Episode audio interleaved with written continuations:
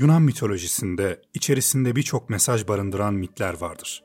Yunanlıların yaratmış oldukları tanrıların hareketleri, kahramanların eylemleri gibi hikayelerin yanı sıra kader gibi kavramlar da ele alınır. Yunan mitolojisinde hikayelere konu olanlar sadece tanrılar değildi. Bazı kahramanların, kralların ve insanların hikayeleri de anlatılıyordu. Bu hikayeler çoğu zaman içerisinden alınacak bir mesajla, bir dersle geliyordu. İnsan görünümünde olan tanrılar sadece görüntüsüyle insana benzemekle kalmamıştı. Tanrıların da hareketlerinde insanlar gibi duygular barındırdıkları görülüyordu. Mitlerde kimi zaman tanrılar, kimi zamansa insanlar tarafından ders çıkarılacak durumlarla karşılaşıyoruz. Bütün mitlerde olduğu gibi ceza içeren mitlerde de alınacak öğütler olduğu aşikar. Yunanlılar bu hikayeler aracılığıyla kültürlerini koruyarak geliştirmişlerdi. Mitlerde hikayeler dönemin birçok sanatçısına ilham vermenin yanında birçok felsefeciye ve devlet adamına da esin kaynağı olmuştu. Yunan mitolojisi dönemin insanını ve temsil ettiği varlık duygusunu çok iyi yansıtır. Ceza içeren mitlere genel bir bakış attıktan sonra bunların içinde en önemlilerinden biri olan Sisyphos hikayesine odaklanacağız. Yunan mitolojisi hem eski hem de modern çağlarda kendi geçmişi olan karmaşık bir organizmadır. Yunanlılar tanrıların kendi görüntülerinde olduklarını düşündüler. Yunan mitolojisinde tanrılar da tıpkı insan gibi duygulara sahiplerdi ve duygularıyla hareket ettikleri oluyordu. Kimi zaman bu duygular onları doğru olanı yapmaya teşvik ederken, kimi zaman da tıpkı bir insanın düşüncesizce davranması ya da öfkesine hakim olamamasına benzer şekilde eylemde bulunmalarına yol açıyordu. Kıskançlık gösterirler, intikam almak isterler ve çıkarları için hile yapmaktan geri durmazlardı. İşte tüm bu hal içinde tanrıların yaklaşımı, insan biçimci tavırları bazen gerek birbirlerine gerek insanlara yansıyordu ve bunun bir sonucu olarak da akıl almaz cezalar ve ibret olması adına verilen korkunç işkenceler kaçınılmaz oluyordu. Mitler aslında bir çeşit tarihtir. Tamamen kurgusal bazı anlatımlar olabileceği gibi yaşanmış gerçek hikayelere dayanan fakat zamanla değişime uğramış, efsaneleşmiş anlatımları da barındırır. Yunan mitolojisi tanrısallaştırılmış birçok soyut kavram içerir. Gece, şafak, karanlık, uyku, ölüm ve daha birçok soyut kavram tanrısal bir bedene sokularak sembolleştirilmiştir. Ceza kavramı da onlardan biridir. Antik Yunanlıların ve inançlarının şekillendirildiği mitlerde de ceza kavramı günümüzdekinden çok farklıydı. Örneğin bir kişi suç işlediği zaman, özellikle birini öldürdüğü zaman ülkesinden sürülürdü. Böylece sürülen kişi suçlarından arınabilirdi. Hapis gibi cezalar antik çağlarda karşımıza pek çıkmaz. Cehennem kavramı Yunan mitolojisinde tam olarak oturmamıştı. Bu yüzden hiçbir suçun cezasız kalmayacağı inancı çeşitli mitlerle anlatıldı. Ceza kavramının tanrısal kalıba sokulmuş ilk örneği intikam tanrıçası Nemesis'tir. Nemesis bir tanrıça olarak kozmik öç kavramını simgeler. İnsanları cezalandırmak görevlerinden biriydi. Nemesis tanrısal öç kavramını yani kutsal öç kavramını temsil eden tanrıçaydı. İntikam tanrıçası olarak anlatılsa da asıl görevi evrenin kozmik dengesini korumaktı. Fazla şanslı birinden zamanı geldiğinde bu şansı geri alarak dengeyi sağlardı. Haksızlığa uğrayan genellikle tanrıça Nemesis'e dua ederdi. Nemesis iyi olanı yani hak edeni ödüllendirir, kötüyü ise cezalandırırdı. Ceza ve cezalandırma ile ilgili görevli bir diğer tanrısal varlık Erinyelerdir. Erinyeler bazı mitlerde tek ya da sayıları çokça anlatılsalar da genel olarak üç kadın olarak tasvir edilirler. Adları Alekto, Megaira ve Tisifon'dur. Hikayelerde onlar hakkında çeşitli anlatımlar var. İntikam tanrıçaları olarak geçerler. Vicdan ve pişmanlığın karşısında duyulan suçluluğu açıklamak için yaratılan soyut varlıklar oldukları düşünülür. Eski Yunanlılara göre insan içinde iyiliği bulundurmasına rağmen genel olarak kötülüğe meyilli bir varlıktı. Bu yüzden kendilerine cezalandırıcı tanrılar ve tanrıçalar yaratmış olmaları anlaşılır bir durum. Tanrıların kesinlikle hoşuna gitmeyen bir şey varsa o da kendilerinin aldatılmasıdır. Bir şekilde bunu başaranları ise korkunç yöntemlerle cezalandırıyorlardı. Tanrılarla insanlar arasındaki sınır tanrılar tarafından zaman zaman aşılsa da onlar izin vermediği sürece insanların bu sınırı geçmelerinden hoşlanmıyorlardı. Bu sınırı aşanlarsa çok ağır cezalara katlanmak zorunda kaldılar. Tanrılara karşı yapılan oyunlardan ve aldatmacalardan söz edeceksek, adı anılacak ilk kişi kesinlikle Prometheus'tur. Kurnaz Prometheus. İnsanlara ateşi getiren hırsız Prometheus. Mitlerde onun zekasına ve kurnazlığına atıflar vardır. insanlık yaratılmadan önce Yunan tanrılarıyla Titanlar arasında büyük bir savaş vardı. Prometheus, kardeşi Epimetheus'la birlikte tanrıların tarafında savaşınca Zeus kardeşleri ödüllendirmek için onlara insanları ve canlıları yaratma görevini verdi. Epimetheus tüm iyi ve güçlü özellikleri canlılara verince Prometheus insanların diğer canlılar karşısında geride kalmaması için onlara tanrıların görüntüsünü verdi. Zeus insanları tabiat karşısında güçsüz, aciz varlıklar olarak gördü. Fakat Prometheus insanı daha büyük bir amaçla tasavvur etti. İnsan medeniyetinin gelişmesi için Prometheus bir gün Olimpos dağından ateşi çaldı ve onu insanlara getirdi. Ateş, insanlığın gelişmesine adeta katalizör görevi görmüştü. Zeus aşağıya bu manzaraya baktığında çok öfkelendi ve Prometheus'u cezalandırmak istedi. Onu yüksek bir dağın başında bir kayaya zincirledi. Her gün bir kartal gelip Prometheus'un ciğerini deşiyor, kartal gittiğinde Prometheus'un ciğeri yeniden iyileşiyor ve bu döngü sürekli tekrar ediyordu. Prometheus yaptığının cezasını çekeceğini bildiği halde insanlara yardım etmekten geri durmamıştı. Çok uzun süre boyunca bitmek tükenmek bilmeyen bir işkenceye bilerek ve isteyerek katlandı. Prometheus'un akıbetiyle ilgili çeşitli mitler olsa da yaygın görüş Herakles'in onu dağdan kurtardığı yönünde. Prometheus'un oyunu normal bir tragedyadan ziyade özgür düşünceyi ve iradeyi savunan politik bir mesajdır aslında. Bir başka cezalandırma hikayesi ise heykellere, şiirlere hatta filmlere konu olan Medusa'nın hikayesidir. Athena'nın onu bir daha kimseyle beraber olmasın diye baktığı kişiyi taşa çevirme cezası verdiği anlatılır. Athena verdiği bu cezayla da yetinmeyip Perseus'a onu öldürmesi için yardım da etmiştir. Diğer bir anlatıma göre ise Poseidon, Medusa'nın güzelliğine tutulur ve genç kıza tecavüz eder. Bir daha aynı muameleye maruz kalmasın diye tanrıça Athena, Medusa'nın saçlarını yılana çevirir. Ona baktığı kişiyi taşa çevirme gücünü verir. Bir başka anlatımdaysa tecavüzün Athena'nın tapınağında olduğu için Medusa'nın cezalandırılmasıdır. Tanrılara karşı üstünlüğünü gösterme cehaletinde bulunarak kendini onlarla kıyaslayan bir kadın olan Niobe'nin başına gelenler de ibret olacak türden bir öyküdür. Niobe Anadolu kökenli bir hikayedir. Niobe doğurgan Anadolu kadını olan toprak ana Kibele kültünün bir simgesidir. Babası Tantalos günümüzdeki Manisa çevresindeki ülkenin kralıdır.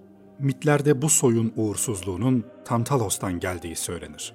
Apollon ve Artemis'in anneleri Leto'ya herkesin içinde küçük düşürücü şeyler söyler. Onun yedi erkek ve yedi kız doğurduğunu, Leto'nunsa sadece birer oğlan ve kız doğurduğunu söyler. Bunun tapılacak bir yanı yoktur diye de ekler. Bu durum Leto'yu çok üzer. Leto, Niobe'nin ona karşı küstahlığından çocuklarına yakınır ve intikamını almalarını ister. Apollon ve Artemis, Niobe'nin yedi erkek oğlunu kadının gözleri önünde öldürürler. Niobe ise bunun üzerine Leto'nun tapınağına giderek cüretkar davranışlarına devam eder. Bunun üzerine Apollon ve Artemis onun kızlarını öldürmeye başladılar. Bu sırada Niobe'nin çocuklarından en küçüğü kalmıştı. Niobe onun bağışlanması için yalvardı. Niobe yakarışlarını yaparken kollarındaki en küçük çocuğu da yere ölü olarak yığıldı. Niobe'nin cezası tanrılara karşı övündüğü şeyin elinden alınmasıydı. Tanrılar insanların sahip olduklarının onlar tarafından verildiğini ve asıl üstün varlığın onlar olduğunu kanıtlamak istemiş olabilirlerdi. Niobe, ölü oğullarının, kızlarının ve kocasının bedenleri içerisinde sadece ağlıyordu ve hiçbir yaşam belirtisi göstermiyordu. Bir süre sonra çıkan fırtına onu ülkesindeki bir dağın tepesine bıraktı. Niobe'nin bu haline acıyan tanrılar onu bir kaya parçasına çevirdiler. Manisa'nın çay başında ağlayan kaya günümüzde bile varlığını devam ettiriyor. Bir diğer mitte ise dokunduğu her şeyi altına çeviren Kral Midas vardır. Bu yeteneği aslında bir ceza olarak verilmemiştir. Bizzat kendisi ödül olarak Tanrı Dionysos'tan sonuçlarını düşünmeden istemiştir. Frigya kralı Midas'ın efsanelerde adı geçse de arkeolojik kayıtlar bize gerçekten yaşamış biri olduğunu kanıtlıyor. Midas ödül olarak gördüğü şeyin aslında bir lanet olduğunu çok geçmeden anlayacaktı. Akteon isimli gencin hikayesi de oldukça ilginçtir. Akteon, Keiron tarafından yetiştirilmiş başarılı bir avcıydı. Avcılık onun hayattaki en büyük tutkusuydu ve av için yetiştirdiği çok becerikli köpekleri vardı. Bir gün av ve ay tanrıçası Bakire Artemis avdayken dinlenmek için bir nehir kenarında durur. Artemis yıkanmak için suya girer. Aynı sırada avda yorgun düşen Akteon da suyun sesini duyarak buraya yönelir. bakire tanrıça Artemis'i ölümlü bir erkeğin çıplak bir şekilde görmesi çok sinirlendirir. Bunu kimseye anlatamaması için cüretkarlığını cezalandırmak ister. Tanrıça onu bir geyiğe dönüştürür. Akteon'un köpekleri onu geyik halindeyken görürler. Böylece kendi köpeklerinden kaçmak zorunda kalır ama bir sonuca eremez. Çok iyi yetiştirdiği köpekleri onu yakalar ve köpeklerin ısırıklarıyla can verir. Belerefon'un mitindeki olgularla birlikte Yunan mitolojisindeki ceza kavramının detayları açıkça görülür. Korint kralı Glafkos'un oğlu ve Sisyphos'un torunudur. Çeşitli anlatılarda babasının Poseidon olduğundan bahsedilir. Belerefon yanlışlıkla kardeşini öldürdüğü ya da üstüne iftira attığı için ülkesinden sürülür. Suçlarından arınmak için kendine temiz kalpli bir adam bulup hizmetine girer. Bu adamın verdiği görevden sağ çıkmasına tanrılar yardım etmiştir. Athena ona kanatlı at olan Pegasus'u yakalamasında yardımcı olmuştur. Belerefon, Pegasus'a binerek Olimpos'a gitmeye çalışır ancak Zeus onun bu saygısızlığını cezalandırır.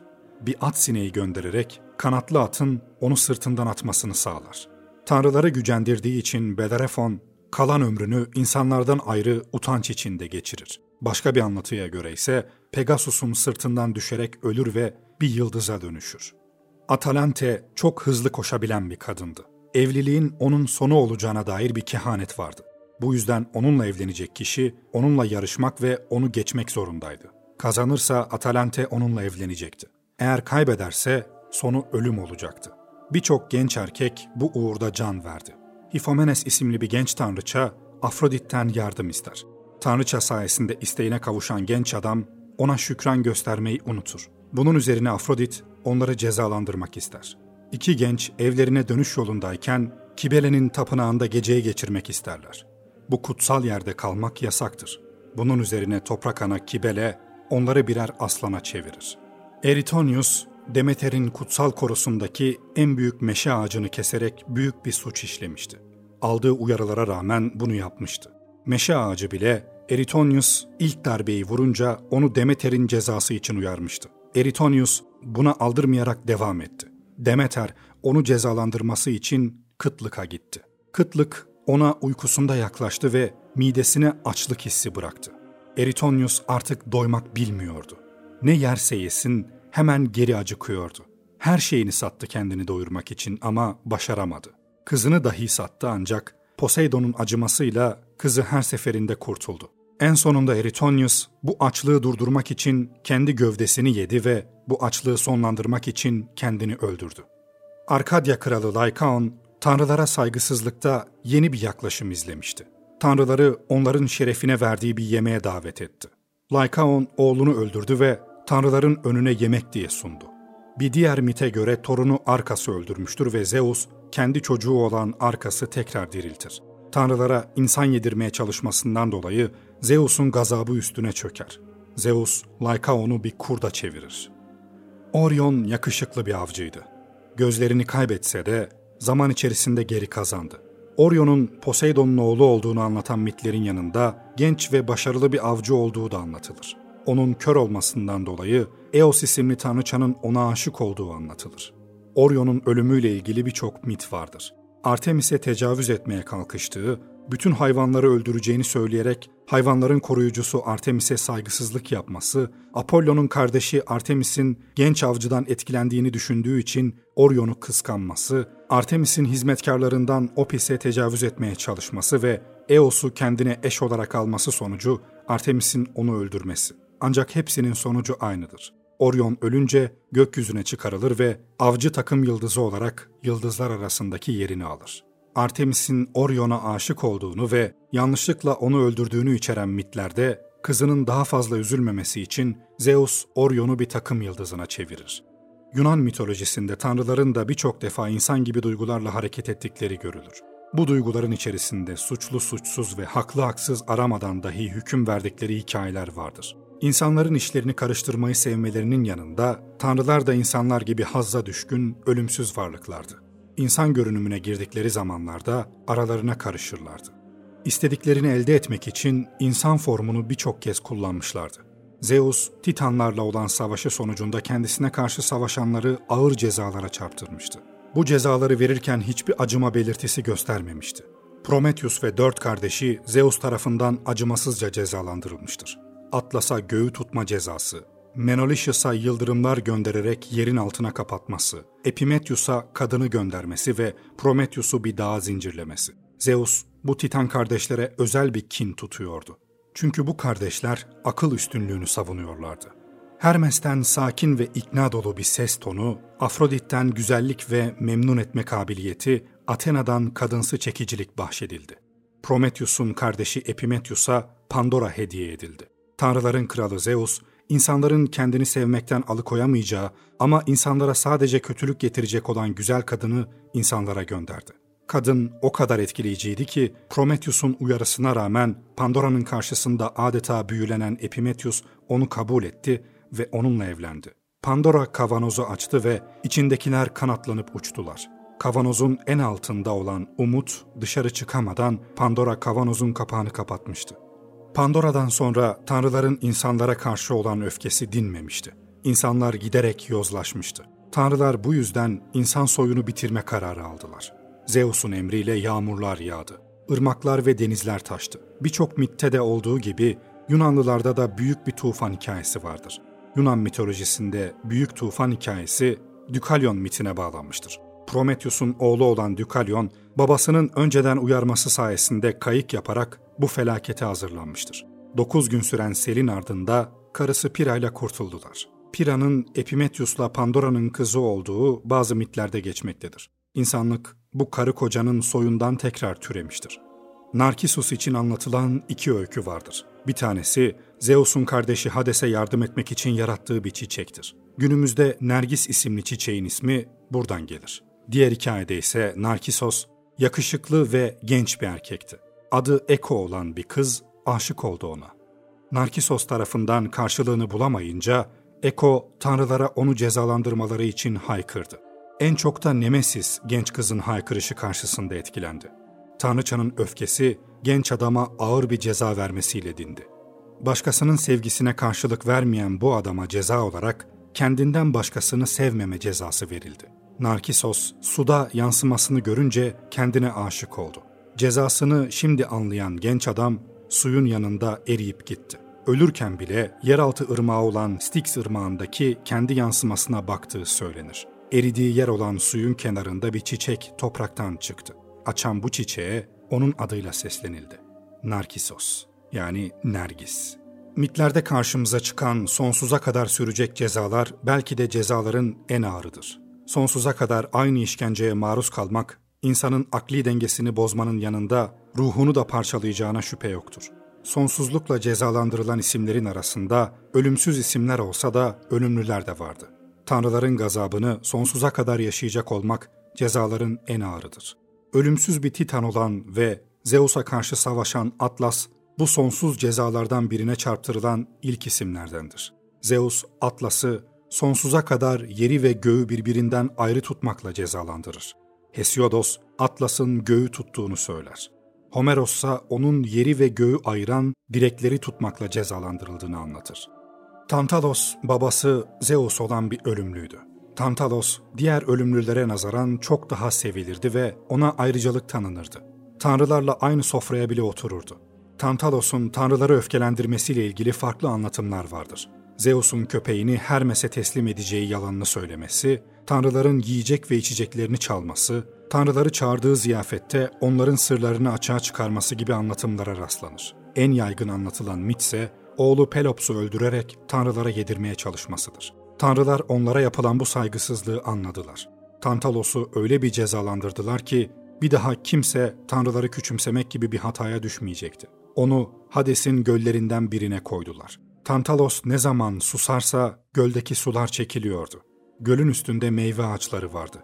Acıkınca onları toplamak için her yeltendiğinde rüzgar onları savuruyordu. Böylece Tantalos sonsuza kadar aç ve susuz kalmakla cezalandırılmıştı. Korint kralı Sisyphos oldukça zeki olan bir ölümlüydü. Homeros İlyada adlı eserinde Sisyphos'un Eferya ülkesinin kralı olduğunu söyler. Bu farklılığa rağmen insanların en kurnazı olduğunu da eklemiştir. Zekasından dolayı Sisyphos'un ismi Sophos yani bilge sözcüğüyle ilişkilendirilir. Hayattayken birçok suç işlediği için kötü biri olduğu da anlatılır. Zeus, Asopos'un kızı Egina'yı kaçırır. Sisyphos da kızını kaçıranın Zeus olduğunu Tanrı'ya söyler. Zeus onu ihbar ettiği için Sisyphos'u yer altındaki ölüler ülkesine gönderir. Sisyphos ise ölmeden önce karısına onu düzgün bir şekilde defnetmesi için söz verdirtmişti. Böylece yer altına gittiği zaman dönebilmek için bir plan yapmıştı. Öldüğü zaman Persefon'a yalvararak işleri yoluna koyması ve karısını cezalandırması için ondan yeryüzünde üç gün istedi. Bazı mitlerde bu izni Hades'ten istediği anlatılır. Korint kralı karısını cezalandırmak dahil geri dönmek için de verdiği sözü tutmadı ve uzun yıllar boyunca yaşamına devam etti. Mitlerde tekrar yeraltı dünyasına dönüş şekliyle ilgili farklı anlatımlar vardır. Ölümlü olmasından dolayı eceliyle öldüğü ya da Tanrı Hermes'in Zeus'un emriyle Sisyphos'u yer altına sürüklediği anlatılır. Sisyphos burada sonsuza kadar sürecek cezasıyla yüz yüze gelir. Bir kayayı dağın tepesine çıkarması onun cezasıdır. Ne var ki cezası sadece bununla sınırlı değildir. Kayayı ne zaman en tepeye çıkaracak olursa kaya tekrar aşağı yuvarlanır, tekrar kaçmaması için boş zaman bulamayacağı bu sonsuz ve umutsuz döngü Sisyphos'un cezasıdır. İngilizce'de kullanılan Sisyphos'un işi diye bir deyim vardır. Bu deyim faydasız yapılan aktivite ve işlerin yanı sıra sinir bozucu işler için de kullanılır. Albert Camus tarafından kaleme alınan Sisyphos söyleni, uyumsuz kavramına açıklık getirmeye çalışır. 1957 yılının Nobel Edebiyat Ödülünü kazanan bu eserde Sisyphos'un bilinçli bir şekilde cezasına direndiğini ve tanrılara baş kaldırdığı anlatılır. Her türlü yenileceğini bildiği halde umutsuzluğa kapılmadan kötülüğe direnen insanlar gibi Sisyphos direnmektedir. Camus'a göre ancak bu başkaldırı insanlığın gerçek boyutlarını kazanmasını sağlayabilir. Tanrılar Sisyphos'u cezalandırırken umutsuzca yaşanacak bir cezadan daha ağır bir ceza olmadığını düşünmüşlerdir sonuç vermeyen ve insanı umutsuzluğa sürükleyen bir çaba halindedir. Tanrıları hor görmesi, onların işlerine karışması, ölümü aldatması ve yaşama olan dipten tutkusu Sisyphos'un bu cezaya çarptırılmasının etkenleriydi. Kocaman bir kayayı yüklenen bir omuz. Ne kadar da ağır bir yüktür. Sisyphos'un direnişinde insanın güveni görülmektedir. Sadece bir ölümlü, bir insan olmasına rağmen yüzüne yapışmış o kayayı tekrar tekrar itmekten vazgeçmez. Onun bu katı direnci onu kayanın kendisi yapmıştır. Kırılmaz ve parçalanmaz. Kaya tepeden aşağıya yuvarlandığında ve Sisyphos kayayı tekrar yukarı çıkardığında aşağı düşeceğini bilmesine rağmen işinin başına koyulduğu vakit insanın bilincinin uyandığı zamandır. Sisyphos bilinçli bir şekilde kaderini kabul eder. Artık kaderi olan o kayadan daha güçlüdür. Sonsuz cezası olan Sisyphos'un kaderi taşınamayacak kadar ağır bir yüktür. Bu ağır yüke rağmen asla pes etmez. Sisyphos'un tanrıların cezasının üstesinden gelmesinin ve onları yenmesinin sırrı ise bunu bilinçli yapmasıdır. İstese pes edebilir veyahut bir yardım bekleyebilirdi. Tanrılara dahi yalvarabilirdi. Korint kralı bunu yapmamış ve kaderini kendi belirlemiştir. Kayayı her seferinde usanmadan iter durur. Kaderinde zorluklara tek başına direnmek bile insana güç veren, içini dolduran bir güçtür. Yunanlılar intikam, kader ve ceza gibi soyut kavramları tanrısal kimliklere büründürmüşlerdir. Kader inancı onların dininin temelindedir. Kehanetlere inanmaları da aslında bir nevi geleceği bilerek kendi kaderleriyle ilgili tahminlerde bulunmak istemelerinden gelir. Bütün bu tanrısal kimliklere rağmen aslında inandıkları insanların kendi eylemlerinin sonuçlarına katlandıklarıdır. Mitlerde çok nadir olarak suçsuz kişilerin zor durumlarla karşılaştıkları görülmektedir. Yine de Yunan mitolojisindeki tanrılar insan görünümündedir ve eylemlerinin çoğu da tıpkı insanın yapacağı türdendir. Öfkelenirler, kıskanırlar ve cezalandırmak isterler. Tanrılar üzerinden öğretilmek istenen öğütler aslında hayatın bir yansımasıdır. Yunanlılar arasında bir ahiret inancı ya da cehennem kavramı olmadığı için mitlerde geçen cezalar insanları korkutmaktan çok ders vermek amaçlıydı dinin ve toplumun ortaklaşa bir kültür çevresinde örgütlemeye çalıştığı normlar dikkat çekiyordu. Platon'a göre yalnız iyi olan şeyler tanrılardan gelmektedir. Kötülüklerde onların bir payı yoktur. Tanrılar her zaman haklıdır ve ne yaparlarsa iyi yaparlar. Cezaya uğrayanlar bahtsız ve cezaya muhtaç kişilerdir. Özetle Prometheus'un hikayesinde erdemi, Arakne'nin hikayesinde kibrin sonuçlarını, Narkisos'un hikayesinde egonun ve bencilliğin karşımızdakileri nasıl kırabileceğini, Niobe'nin hikayesinde kıskançlığın sonunun iyi olmadığını, Bellerophon'un hikayesinde nankörlüğü ve anlattığım birçok hikayede tanrılara yani büyüklere yapılan saygısızlığın hoş karşılanmadığını ve hak etmediği cezalara katlanan Kalisto ve Orion gibi kişilerin sonunda sabırlarının ödüllendirildiğini görüyoruz. Sonuç olarak Yunan mitolojisinde ele aldığımız içinde ceza içeren mitler de dahil olmak üzere tüm bu hikayeler koloniler ve ticaretle geniş bir coğrafyaya yayılmış olan Yunanlıların doğuyla etkileşimleri sonucu ortaya çıkan ve toplumsal normları örgütlemeye çalışan gelişmiş bir kültürün temel taşlarıdır.